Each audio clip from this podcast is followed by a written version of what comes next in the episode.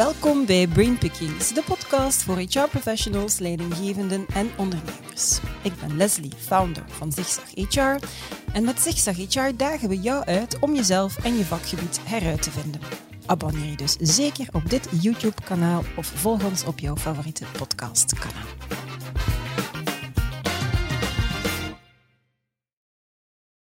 Een nieuwe wereld vraagt een nieuw HR. Dat is de ultieme boodschap die Lisbeth Klaus en ik zelf de wereld instuurden toen we vier jaar geleden ons boek Zigzag HR uitbrachten.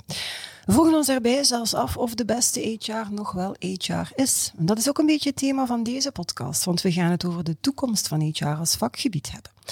Wat verwacht de business van HR om in een snel veranderende wereld competitief, succesvol en future-proof te zijn? Wat hebben medewerkers nodig om gezond, gelukkig, competent en geëngageerd te blijven? En hoe verenigt HR die twee belangen? Voor een antwoord op die prangende vragen heb ik twee fijne dames op bezoek hier op de Zigzag HR kantoorboot. Connie Hoge, Global HR Director bij Materialize en Barbara Verschuren, Learning Consultant bij NCOE Learning. Samen gaan we op zoek naar de sweet spot tussen wat de medewerker wil en kan en wat een bedrijf nodig heeft. En dat in een context van krapte, stijgende energiekosten en een enorme druk op de business. Wat betekent dat voor het HR-vakgebied? Welke tools, welke praktijken, welke concepten heeft een HR-professional vandaag zeker nodig? Wel, we gaan op zoek naar een GPS voor HR's raison d'être. Welkom, goedemiddag. Goedemiddag. Goedemiddag. Alles goed met jullie? Prima. Ja, dat uh, is altijd heel erg fijn om te horen. We zijn ondertussen al uh, eventjes de maand januari in, uh, ja, ge, hoe moet ik het zeggen, gespurt lijkt het wel. Het is in ieder geval heel stevig ingezet. Hè. Dus voilà, we gaan, um, we, gaan er, we gaan erin vliegen. Goed? We gaan misschien starten met een aantal algemene trends en ontwikkelingen in de wereld van werk. De wereld van werk is in flux, zeggen we dat, permacrisis. Hè. Rapporten, publicaties vliegen ons om de oren. Welke grote thema's, drie bijvoorbeeld, springen er voor jullie uit? Hoe is de wereld van werk volgens jullie veranderd? Zal ik starten? Dat mag. um, de trends die ik zie, um, zijn eigenlijk trends die al langer bezig zijn, mm -hmm. maar die zeker versterkt en versneld zijn mm -hmm. de laatste twee, drie jaar ja. door de crisissen die we door zijn gegaan. Mm -hmm.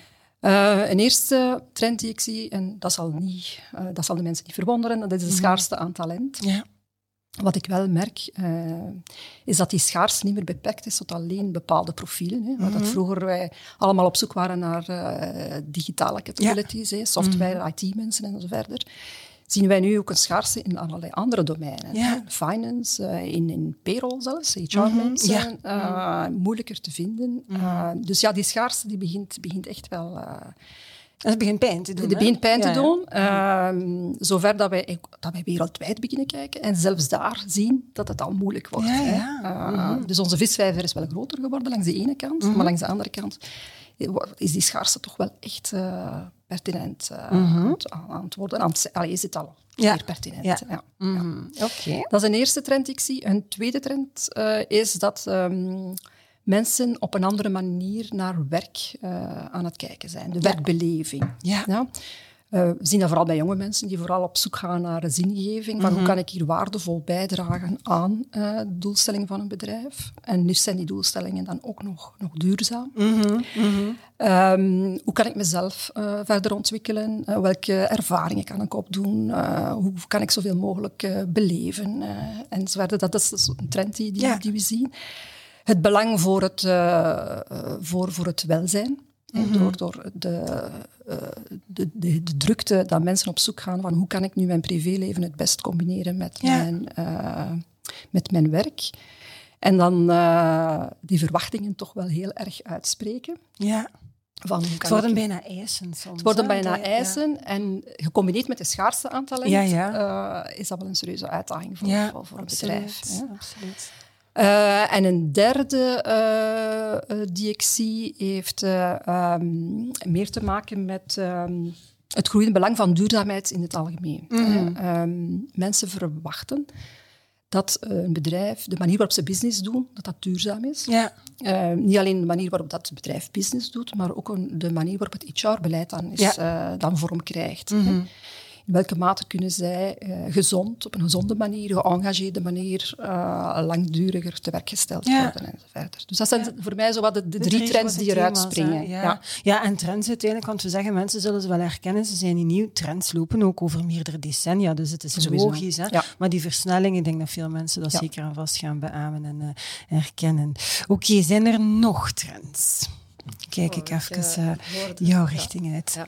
Maar ik hoorde uh, Connie zeggen over de, de purpose, de why van bedrijf, mhm. dat dat belangrijker wordt vandaag. Dat is ook een van de zaken dat ik aan had gedacht. Um, dat het inderdaad nog meer uh, van belang is om die heel duidelijk en scherp te hebben naar mensen toe. Dat ze willen voelen dat ze kunnen bijdragen en niet mhm. gewoon gaan werken om de rekeningen te betalen mm uiteindelijk. Uh, verder uh, ja, kwam er in mijn hoofd ook op het groeiende belang van people skills. Um, nog meer dan vroeger. Dus we werken veel meer in wisselende samenwerkingsverbanden, mm -hmm. uh, projectteams, ja. waar die, um, die vaste kring van vaste collega's eigenlijk vervaagt. En je heel snel operationeel en uh, effectief gaat moeten kunnen samenwerken met mensen die je nauwelijks kent. Mm -hmm. Vandaar ja. people skills nog belangrijker vandaag mm -hmm. de dag. Absoluut. Ja, ja mooie, mooie aanvulling in ieder geval. Um, hoe de wereld en de wereld van werk verandert, heeft natuurlijk ook een impact op hoe medewerkers uh, willen anders willen werken. Hè. Niet alleen van wat ze verwachten van het werk, maar ook hoe ze effectief anders willen gaan werken. De mate waarop dat ze dat dan ook op elkaar proberen af te stemmen. In welke mate, als je zegt van fundamenteel, ze kijken anders naar werk, voelt je dat ook op, op, op de werkvloer? Merkt je dat ook um, in, in hoe dat het zich uit in hun gedrag? En wat betekent dat dan bijvoorbeeld ook voor onze HR-processen? Want mm -hmm. die worden ook geïmpacteerd. Ja, ja.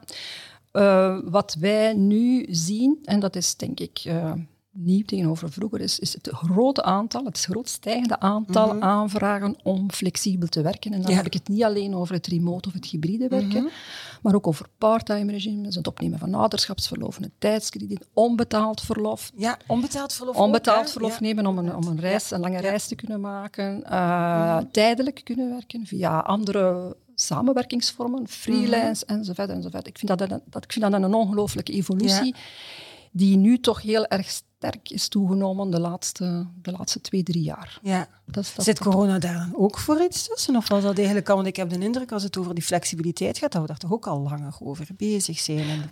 Absoluut. Uh, ik denk dat mensen inderdaad nagedacht hebben mm tijdens die coronaperiode ja. van wat wil ik nog? Uh, ja. hoe, wil ik het, hoe wil ik het mijn werk organiseren versus mijn privé? En privé wil niet alleen zeggen voor het gezin zorgen, maar ook omdat mensen veel andere interesses hebben. Uh, en die er dan echt voor kiezen om te zeggen, ja, ik ga parttime dit doen, maar ik dan doe dan parttime nog iets anders. Of ik wil nu echt wel, wanneer ik nog jong ben, die wereldreis ja, maken, ja, ja. enzovoort. enzovoort. Mm. wij, wij, zien daar een ongelooflijke vraag naar. Um, en niet alleen om, om privé-zaken uh, op te vangen, maar bijvoorbeeld ook ja, uh, verlof opvragen of, of, uh, of tijd vragen om de wereld rond te reizen terwijl ze aan het werken zijn. Ja. Hè? Dus ja. het, gaat, het, gaat, zelfs zo ver. Hè? Mm -hmm. uh, dus dat is toch wel iets wat, dat we, wat, wat dat we merken. Mm -hmm. um, langs de andere kant zien we ook, en dat is dan toch wel uh, ook recent, een evolutie naar meer connectiviteit. Mm -hmm. Die is een beetje verloren gegaan tijdens de pandemie. Absoluut. Um, wat wij dan bij ons op de werkvloer zien, is dat uh, de connectiviteit in een team nog altijd wel heel sterk is. En ik denk om, omdat wij daarop ingezet hebben, hè, tijdens mm -hmm. de corona en de leidinggevende, want de leidinggevende speelt daar een belangrijke ja, ja. rol in, heeft daar heel veel initiatieven in genomen om de connectiviteit te versterken. Maar uit onze survey bijvoorbeeld is gekomen dat de connectiviteit tussen teams ja. zeer sterk naar beneden is gegaan. Uh, en dat is ook logisch, want die connectie die, die tussen teams maak je veel makkelijker wanneer je fysiek bij elkaar Absoluut, bent, dan, ja. uh, mm -hmm. dan online. En uh, ja, dat is, dat, dat is toch een die, die we in het oog willen houden en ja. waar we willen verder gaan opwerken. Ja, want hoe problematisch is dat dan? Hè? Als die teams onderling niet meer komen, eh, communiceren waarschijnlijk wel op een digitale manier, maar als ze niet meer gaan geconnecteerd zijn, wat, wat zijn daar volgens jullie de grootste risico's, problemen van? Uh, Kijk, als je als iets wilt, uh, wilt tot stand brengen, een product wilt ontwikkelen, mm -hmm. een service wil verlenen en zo verder, dan heb je gewoon meerdere disciplines, ja. meerdere teams nodig. Mm -hmm. Als die niet meer connecteren en niet op een voldoende goede manier kunnen samenwerken, ja. dan kan dat nog wel wat impact mm -hmm. hebben op, uh, op je business, hè, op je ja. businessresultaten. Ja, en ook als ze elkaar, bedoel je dan vooral als ze elkaar niet, niet zien, waardoor dat ze dus, ja, um, waardoor dat moeilijker is om, om samen projecten tot stand te brengen? Of gaat het hem dan ook over elkaar gewoon helemaal niet kennen? ik, ik, denk dat het dan dat vooral ook is. Ehm, wat dat niet wil zeggen dat je mensen niet kunt leren kennen via mhm. online. Hè? Mhm. Maar door het feit dat uh, in de voorbije periode die connectiviteit zeer sterk gericht was van wij zijn hier een team en wij moeten ervoor zorgen dat we mhm. samen dit hier doormaken. Ehm, denk je dat er gewoon te weinig is nagedacht over ja, wat zijn andere teams en moeten we daar samen ook iets mee doen? Ja. Hè? Ja. Uh, je krijgt dan ook nieuwe mensen aan boord die je ook niet uh, echt letterlijk leren kennen hebt mm -hmm. uh, enzovoort. Dus ik denk dat dat toch wel een, een impact heeft. Ja, ja naar die connectiviteit. Mm Oké. Zeg, en, en, naar dan processen toe, dat was ook een stukje van mijn vraag, van nou, dat je dan aangaf. Hoe, hoe vertaalt je dat dan als je dan zegt, veel meer mensen die flexibel willen werken, die dan van, van in, in het buitenland willen werken of, of onbetaald, hoe vertaalt zich dan naar de processen? Hoe houd je dat eigenlijk uh, Dat is een uitdaging, hè? Dat is een uitdaging, hè? Mm. Dat betekent gewoon, dat, denk ik als HR, dat wij uh, op regelmatige basis onze policies moeten herbekijken. Mm -hmm. uh, als ik een voorbeeld mag geven. Ja.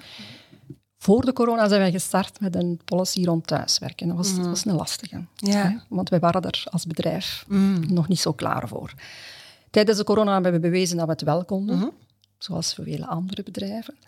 Uh, we zijn toen begonnen aan onze, uh, aan onze remote of hybride werken policy, dus wat -hmm. breder gezien dan, ja. dan zuiver thuiswerken. Uh, met het oog op, als we allemaal uit die crisis zijn, hoe gaan we dan verder werken? Mhm. Dus een vrij soepele manier van uh, hybride werken. En nu dat we terug uh, op kantoor kunnen komen, mm wij die policy aan het toepassen zijn, dan krijgen we hier nu en daar toch wel weer terug wat stemmen op van moeten we toch niet meer nog wat connecteren en fysiek bij elkaar komen en, en verder enzovoort. Mensen die vragen om meer naar kantoor te komen. Ah, je hebt meestal hoor ik het nee, andere verhaal. Wij ja. hebben, eh, mensen mogen naar kantoor komen, dat is niet zo mm -hmm. de niche het is meer management. Ah, ja, ja, die, ja, die zegt van, kijk, uh, moeten we toch niet bekijken of dat we mensen meer naar kantoor kunnen laten komen. Uh, voor mij is daar dan een vraag van, uh, niet verplichten, maar stimuleren. Mm -hmm. Hoe zorg je ervoor dat mensen effectief graag dan connecteren dan, en ja. graag naar een, naar een, mm -hmm. naar een uh, uh, kantoor komen? Um, met betrekking tot de zeer flexibele werkregimes, hoe dat we daar moeten op inspelen, dat vraagt van HR wel meer workload. Ja. Want, ja. want langs de ene kant wil je toch een soort van fairness en consistentie bewaren. Je wil ook de efficiëntie uh, bewaren. Ja. Uh, maar langs de andere kant zie je dan met die, die, die eisen en die noden van mensen uh, hun regime aan te passen mm -hmm. op hun persoonlijke situatie. Daar kruipt veel meer effort in vandaag. Mm -hmm. En dan zoeken we, of proberen we toch de efficiëntie erin te krijgen door, door een aantal zaken te digitaliseren. Ja. Uh, door transparant te zijn over heel wat uh, informatie en mensen daar ook een stuk eigen verantwoordelijkheid mm -hmm. in te laten nemen. En daar dan toch dat stukje efficiëntie of effectiviteit ja. erin te krijgen. Ja, ja. Maar het vraagt, het vraagt Echt. effort, hè, want het vraagt veel meer discussies en, en gesprekken uh, en zo verder. Hè. Ja, en dat ja. in tijden waarin dat we zeggen van HR moet met de strategische dingen bezig zijn, maar er kruipt heel veel tijd in, in, in dat soort zaken Klopt. ook. Hè. Ja. Zeker, ja. Het is niet gewoon het ontwikkelen van een plot, maar in gesprek gaan, ja. luisteren, terugkoppelen, verschillende stakeholders betrekken. Nu, ik denk zelf dat, uh, dat, dat, dat HR zich daar vooral moet richten naar, naar, frame, naar een framework uitbouwen, mm -hmm. uh, richtlijnen geven en, en daar ook de leiding, leidinggevende absoluut een belangrijke mm -hmm. rol laten in te spelen. En daar ook zeker autonomie in te geven ja. in, in, uh, bij een leidinggevende bijmedewerker die mm -hmm. zichzelf wel kunnen organiseren, ja. hè, maar, maar binnen een bepaald framework. Mm -hmm, ja. mm -hmm. Oké. Okay. Barbara moet maar inpikken als je ja. zegt van... Uh, want ik ben in zodanige met Connie in gesprek uh, aan het gaan. Um, nu niet alleen de noden van de medewerkers zijn veranderd, ook de business heeft andere verwachtingen en noden. Zij moeten in een vertrouwde manier, je had het er net over, de leidinggevende, moeten die ook wel een stukje gaan aanpassen. En wat ik dan eigenlijk altijd aangeef is, het is niet de persoonlijkheid, maar de context, hè, vooral die bepalend is voor het leiderschap. Zijn er bepaalde zaken, want ik had eerst de vraag geformuleerd, wat moet een leidinggevende vandaag anders doen? Moet een leidinggevende eigenlijk dingen anders doen? Misschien moet ik die vraag eerst uh, stellen. In, in die nieuwe, uh, de context is bepalend. Wat betekent dat voor een leidinggevende? Moet hij andere dingen doen of moet hij de dingen anders doen? En wat dan? Mm -hmm. oh, ik denk um, dat een leider meer en meer een faciliterende rol gaat, mm -hmm. uh, gaat mogen opnemen. Um, we kunnen onze vraag stellen, hoe kan leiderschapsontwikkeling of leiderschap helpen of bijdragen aan het creëren van een sfeer van feedback, uh, transparante communicatie en psychologische veiligheid. Want het is in zo'n context dat mensen zich gewaardeerd voelen, uh, dat teams productiever gaan worden, uh, dat er ja, meer creatieve ideeën ook naar boven gaan, gaan opborrelen. Dus ik Mhm. denk dat dat wel een belangrijke verschuiving is in leiderschap, die faciliterende rol. Mhm. En ehm, ja, Ik, ik volg dat helemaal. Hè. Eh, er is een duidelijke eh, wens van mensen om meer eh, autonoom te werken, meer beslissingen te kunnen nemen, meer betrokken te zijn bij beslissingen en zo verder. En ik denk inderdaad aan de leidinggevende niet de oplossingen moet aanre- aanreiken, maar moet voor de omgeving creëren waarin dat mensen zelf samen tot, tot oplossingen en afspraken komen. komen. Ja, ja. En dan volg ik eh, Barbara helemaal, dat die, die faciliterende rol, die coachende rol, Mhm. die ruimte creëren, de talenten kennen van zijn mensen, de passies kennen van zijn Ja. mensen. En dat dat, dat eh, een van de belangrijkste eh, rollen en eigenschappen zijn van, van, van goede leiders. Ja, maar ik vind dat altijd, als we, we spreken daar heel vaak over met heel veel mensen, maar leidinggevenden moeten bijna supermensen Ja, zijn. Hè? dat klopt. Ik Ja. vind dat we daar eigenlijk echt wel extreem veel van verwachten en misschien ook niet altijd realistisch Mhm. zijn. Ofwel zijn het mensen die heel sterk zijn in hun expertise, die dan de people skills hè, een stukje mee gaan moeten, eh, dat daar moet op ingezet worden. Maar ze staan onder druk van boven hun, ze staan onder druk van de medewerkers. Ik vind dat echt wel... Ja, dat Ja, klopt. Die, die, spreid, die spreidstand wordt steeds moeilijker. Ja, ja Want ik- een- ik- vroeger zei ik altijd, sorry dat ik je onderbreek, van het is, het is lastig om die rol van HR op te nemen, omdat die ook heel vaak in een spagaat zit, maar vandaag de dag, verdorie, vind ik van de leidinggevende nog eh, iets eh, straffer. Ja, ja. Maar ik onderbrak jou.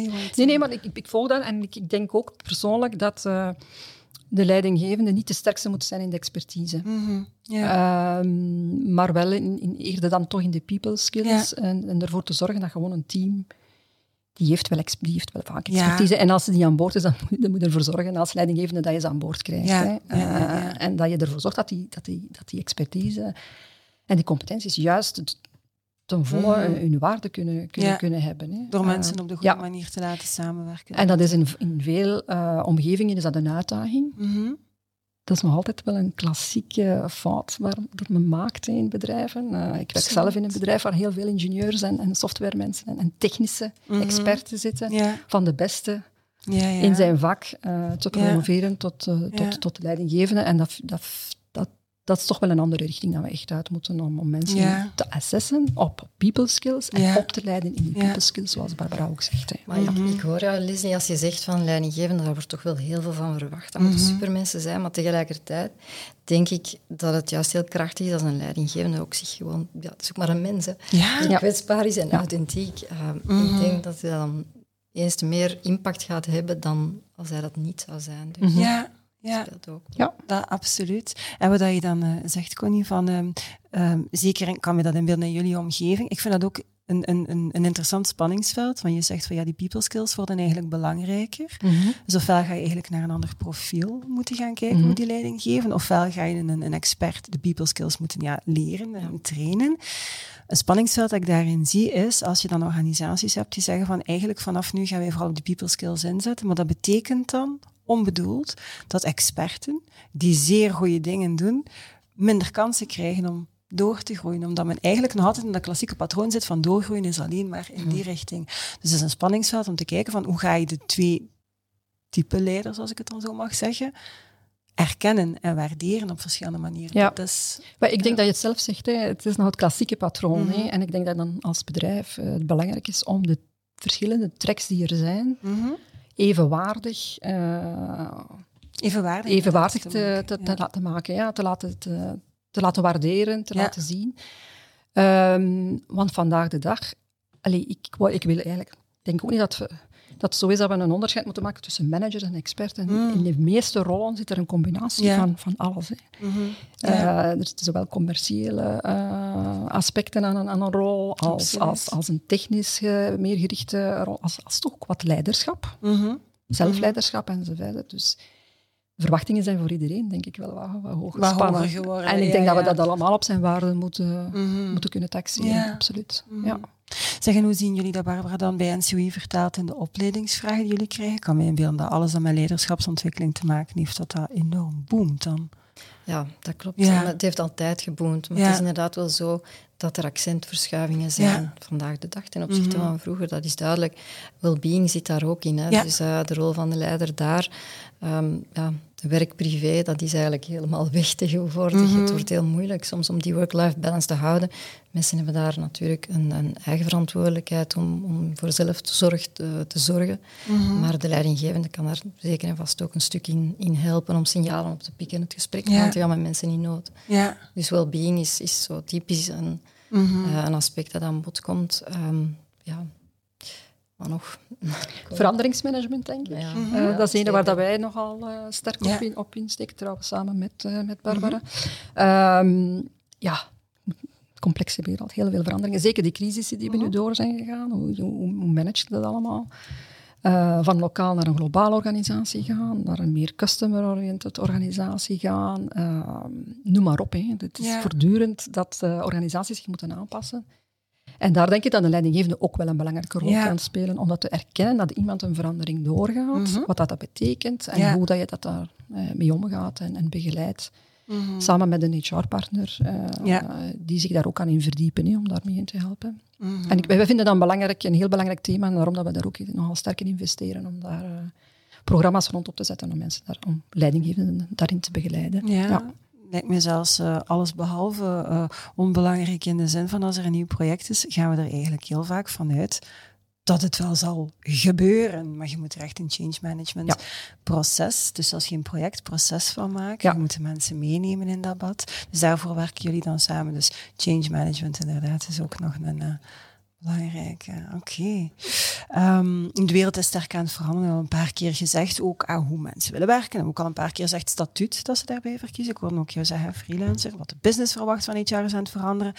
dat maakt eigenlijk ook dat een aantal globale HR-thema's veranderen of op zijn minst ook een andere invalshoek krijgen. Ik heb uh, in december hebben we zeg jaar een trendrapport uitgebracht. Ik heb belachelijk veel trendrapporten gelezen. Ik heb zo gekeken, zit hier ergens een rode draad? Wat komt je tegen remote work? Ja, uiteraard, dat is geen verrassing. Diversity en inclusion, heel vaak tegengekomen. Ik vind dat we in België daar nog niet zo ver... We zijn erover bezig, maar iedereen is echt aan het worstelen. Dat is mijn voorlopige vaststelling. Mhm. Digitalisering, duurzaamheid, closing the skills, uh, gap, health and well-being. Dat zijn er een paar die eigenlijk heel vaak terugkwamen. Maar wat ik ook af en toe vond, was organizational design. Waarbij dat dus eigenlijk ook gekeken wordt naar HR, van je moet niet alleen bezig zijn met de mensen, je moet ook bezig zijn met de structuur.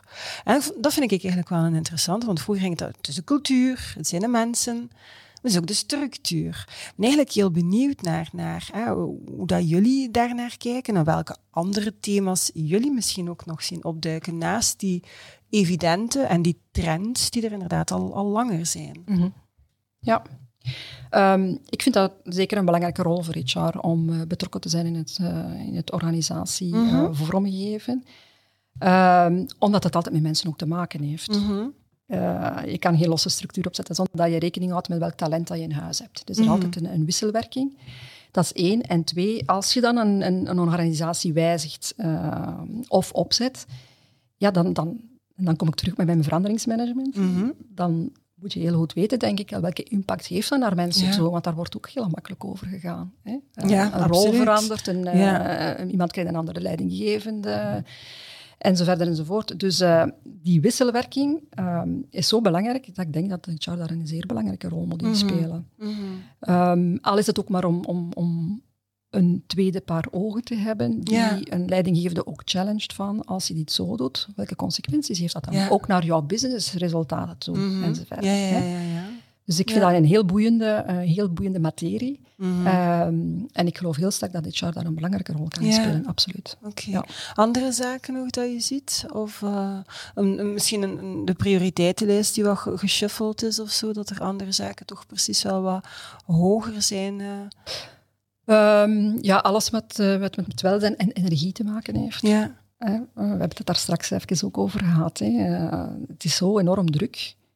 Um, ofwel rollen daarin mee. Ja. Of er zijn ook mensen die zeggen, ik, ik, ik kan dat ik niet, ik geef het op, ik rol ja, niet meer mee. Ik heb er ook geen energie niet meer voor. Hè wat geeft mensen dan energie? Uh, hoe zorg je er dan voor dat mensen dan toch op een gezonde manier blijven mhm. werken? Enzovoort. Dus dat welzijn en die energie, uh, dat vind ik toch wel uh, dat dat een thema is dat de laatste jaren heel erg mm -hmm. ja. Allee, op onze agenda ook staat. Ja, absoluut. Ja, ja. veranderd is. Ja. Zie jij daar nog zaken, Barbara? Oh, ik denk dat je er al heel wat hebt opgezond, mm maar uh, ja, ik bevestig inderdaad dat uh, diversiteit en inclusie, dat dat absolute prioriteit is bij bedrijven meer en meer. Mm -hmm. ja. Oké, okay, dat iedereen. Ik vind iedereen is er eigenlijk heel erg hard mee bezig, maar ik, ik omschrijf het echt als het woord worstelen. Mm -hmm. We weten dat het belangrijk is, we weten dat mensen het verwachten, dat ze op een gelijkwaardige manier behandeld worden, dat ze zichzelf kunnen zijn. Ja. Maar hoe doe je dat? Hoe ver moet je daarin gaan? Uh, moet, moet, je vertrekken vanuit bepaalde minderheidsgroepen? Moet je quota gebruiken? Hoe, hoe zorg je dat mensen zich niet onbedoeld benadeeld voelen omdat zij dan ja, de, de, de grootste groep zijn bij manier van spreken. Want op den duur gaan we zodanig veel aandacht steken in mensen die nog ondervertegenwoordigd zijn in onze organisatie. En dat kan over leeftijd, gender, etniciteit, maar van alles gaan. Ja. Dat mensen die de meerderheid uitmaken, als ik het zo even mag uitdrukken, om een duur het gevoel krijgen van, zeg, ja. ik wil ook nog wel ontwikkelen, ik wil ook nog wel aandacht. Ik vind dat heel, ja. ik krijg heel veel struggles te horen als ik het daarover ja, heb. Nog weinig oplossingen. Ja. Ja, ja, ik volg dat wel. Ik, ik ben eerlijk gezegd zelf niet zo voor quota. Nee. Ik vind dat uh, ja, je moet juist talent op de juiste plaats uh, mm -hmm. kunnen, kunnen zetten. Wanneer dat dan zo is, allee, of, of je moet wel een gelijke behandeling kunnen geven in het, in het zowel het, het, ja. het kiezen van, iemand, van, van een talent, als, als daarna naar het rewarden en alle andere uh, mm. manieren waar je met mensen mee omgaat. Dat moet een faire en een gelijke behandeling ja. zijn, daar ben ik het helemaal mee eens. Maar vooraf al zeggen, wij moeten nu zo'n representatie hebben van die en die en die groepen, dat lijkt mij toch te sterk geforceerd. Mm -hmm. ja. uh, en ik denk dat dat inderdaad wel eens een nadeel zou kunnen spelen van... Uh, ja. Maar je krijgt dan wat draaiduur-effect, hoor ik dan. Of dan bijvoorbeeld mensen die dan bij de recrutering wordt er heel sterk naar gekeken als er mm -hmm. met quota gewerkt wordt ja. en dat er voldoende instroom is.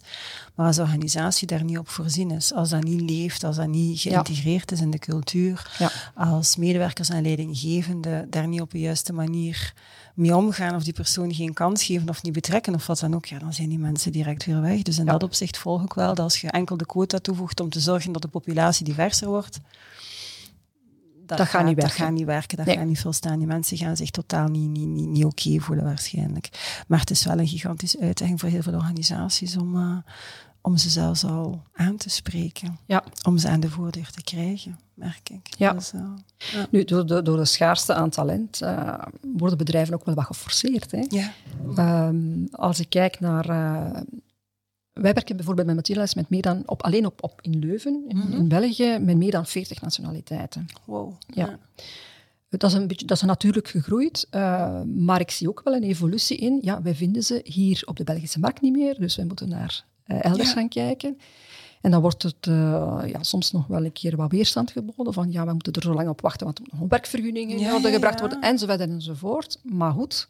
Wat is het alternatief? Wat is het alternatief? Hè? Ja. Dus in die zin ja, word je dan ook wel een beetje geforceerd om, om, het, uh, om het te doen. Uh, ja. En dan vind ik het wel heel belangrijk dat ja. mensen op een gelijke manier behandeld ja. worden. Een keer dan, uh, aan ja, en dat ze zich dan thuis voelen in de organisatie. Dat er, ja. Ja, ja, Oké, okay. maar 40 nationaliteiten. Ja. Dat is wel straf. Oké, okay. vertaalstel je dan naar de HR-professional, het HR als, als, ja, als, als métier, om zo te zeggen. Al die nieuwe verwachtingen, dat, dat vraagt ook nieuwe expertises, andere expertises of meer focus op bepaalde expertises. Wat moet er zo bijvoorbeeld in de rugzak van een HR-professional zitten vandaag de dag? Dat er misschien vroeger minder of niet in zat? Uh, HR-professional, en dan ja, ik kijk het vanuit mijn bril van learning and development.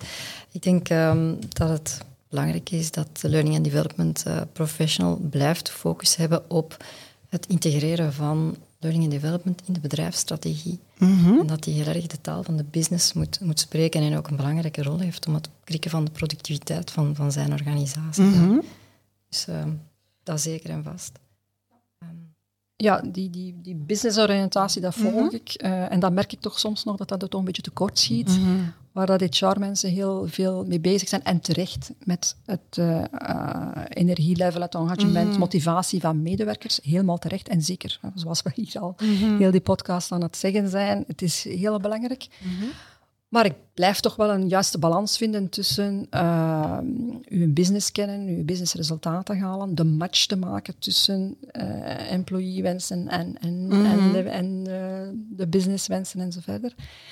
En daar denk ik dat dat expertise van HR toch, toch nog mag versterkt worden. Van hoe zet je optimaal je workforce in? Uh, en dan heb ik het niet alleen over kwaliteit, zeker kwaliteit, maar ook over het kostenaspect. Ja. Uh, enzovoort enzovoort. Want uiteindelijk leid je een business die, die, die je moet groeien of moet overleven, of, Of, of, afhankelijk van de doelstellingen van, van de Ja, doorgaans willen organisaties groeien. Hè? Voilà. Dat, uh, dus in, in, en daar denk ik dat het HR toch nog wel kan bijschakelen. Ja, en, en hoe, kan, hoe kan HR die competenties dan verwerven? Is dat dan iets, moet je daarvoor naar een opleiding gaan? Moeten ze dan stage lopen bij manier van spreken? Want een businesspartner zou ik dan veronderstellen dat die de business kent, voelt. Ja. Um, wat wij doen, en ik denk dat dat een heel belangrijke is, dat het is dat de HR business partner echt deel is van het managementteam van een mhm. business. Ja. Um, zij, hij of zij werkt heel nauw samen met de, de businessleider en met het Hanse managementteam. Ja. Ja. En zij heeft, hij of zij heeft daar een rol te spelen in dat managementteam. Niet alleen HR, maar mee business-wise, maar breder. Ja, Dus een stukje de juiste vragen ook durven stellen als HR om, om meer te leren. Dus ik denk dat dat een, een zeer goede leerschool is, naast natuurlijk wat andere technische expertise daar rond. Mhm. Eh, maar dat denk ik dat dat wel heel belangrijk is, dat we daar... Ehm, ja. Dat we dat toelaten, ook als HR. Dat, ja, ja. en dat is niet een gemakkelijke rol, hè, want je zit daar als HR om te challengen en om, om, om, adviezen te geven en consultancy te geven, maar langs de andere kant ook mee de business uh, te ondersteunen. Ja, ja ja. opnieuw een spanningsveld. Wel opnieuw een spanningsveld, ja. ja, ja, Oké. Ja. Um, misschien een uitsmijter. Het was wat, tijdens de coronacrisis hebben HR-professionals heel snel moeten handelen schakelen om te reageren op al die onzekerheden. Uiteindelijk vind ik dat dat allemaal vrij goed mm gelukt is. Het heeft wel heel veel gekost en ik, ik vrees misschien dat we daar nu nog een prijs gaan voor betalen naar uh, emotionele, mentale uh, weerslag naar, naar well-being toe. Maar in ieder geval heeft de pandemie, vind ik, toch wel aangetoond dat uw rol minder belangrijk is, dus de naam van de titel van de rol minder belangrijk is dan de acties dat je op dat moment creëert, om, en je doet, onderneemt liever om waarde te creëren. Ja, ja dan denk ik, ehm, als we moeten doen en moeten in actie komen, dan lukt het. Wat ik dan vaststel is dat HR misschien, als er geen crisis is, niet altijd genoeg snel in actie komt en heel vaak zo wat in wat concepten uh, blijft hangen, heel abstract ben benieuwd hoe dat je daarnaar kijkt. Want ja, ja, je zit in, kan je zelf snel genoeg in actie komen? Vind je dat, klopt dat wat ik zeg? Ja, dat, ik, ik volg dat helemaal. Ja. Uh, als er één ding is waar dat wij daar dan uitgeleerd hebben, is dat wij nu gezegd hebben, kijk, we gaan onze objectieven op kwartaalbasis uh, neerzetten en we gaan dat heel, heel strikt uh, volgen en bijsturen waar nodig is. Dus echt die, die principes van, hè, wat we kennen vanuit de softwarewereld, die agility, van die echt ook binnen HR te beginnen toepassen. Dat is echt die die wij meegepakt hebben omdat we effectief gezien hebben dat we in een crisis wel in staat zijn om, die, uh, om de juiste acties te nemen. Wat dat niet wil zeggen dat we ook niet op langere termijn nadenken. hè? Mhm, maar mm waar dat we misschien vroeger de neiging hadden van wij moeten eerst alles uitgewerkt hebben en we moeten een goede foto hebben en de roadmap mm enzovoort moet al uitgetekend zijn voor we er dan naar buiten komen. Ja. ja, draaien we dat toch wel wat meer om en gaan we heel veel sneller naar buiten om af te toetsen en te zien en zijn we goed bezig en bij te mhm. sturen enzovoort. Ja, ja. ja, dus dat is dan effectief iets wat dan, ja, noemt de silver lining uiteindelijk ja. van de coronacrisis, dat we daar dan uitgeleerd zijn, Barbara. Absoluut. Kijk nog even naar jou. Vind jij akkoord, niet akkoord? Um, ja, akkoord. Mhm. Als ik dat weer vertaal naar leren, mm -hmm. zie ik toch dat de HR redelijk dicht staat bij de business en, en meer, nog meer dan vroeger gaat aanvoelen wat is nou nu jouw nood en meer kortere interventies gaat opzetten om mhm. snel te kunnen schakelen. ja. Ja, toch wel. En dat werkt en mensen appreciëren dat ook. Ja, ja. alright. Goed. Ik denk dat we ongeveer tot het einde van de, van de podcast gekomen zijn. Hebben jullie zelf nog uh, bedenkingen of boodschappen dat je zegt van dit is nu toch echt wel iets wat de HR-community zeker moet weten of zeker moet onthouden als het gaat over de toekomst van HR? Een ultieme uitsmijter. I don't know. Een boodschap dat je wil herhalen.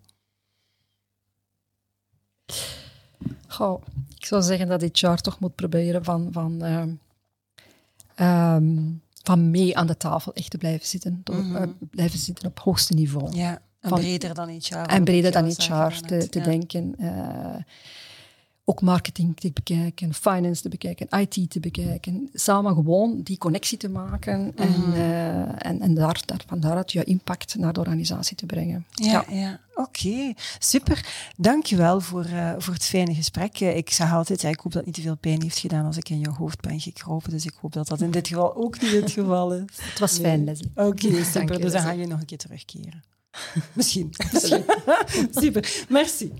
Dankjewel. Dankjewel ook uh, aan jullie om te kijken of om te luisteren. Vond je deze podcast fantastisch? Vertel dat dan natuurlijk aan zoveel mogelijk collega's verder. Heb je honger naar meer weten dan dat er nog heel veel podcasts te bekijken of te beluisteren zijn op ons YouTube-kanaal of via jouw favoriete podcast-app. Allerbelangrijkste, it's a great time to be in HR. Tot de volgende.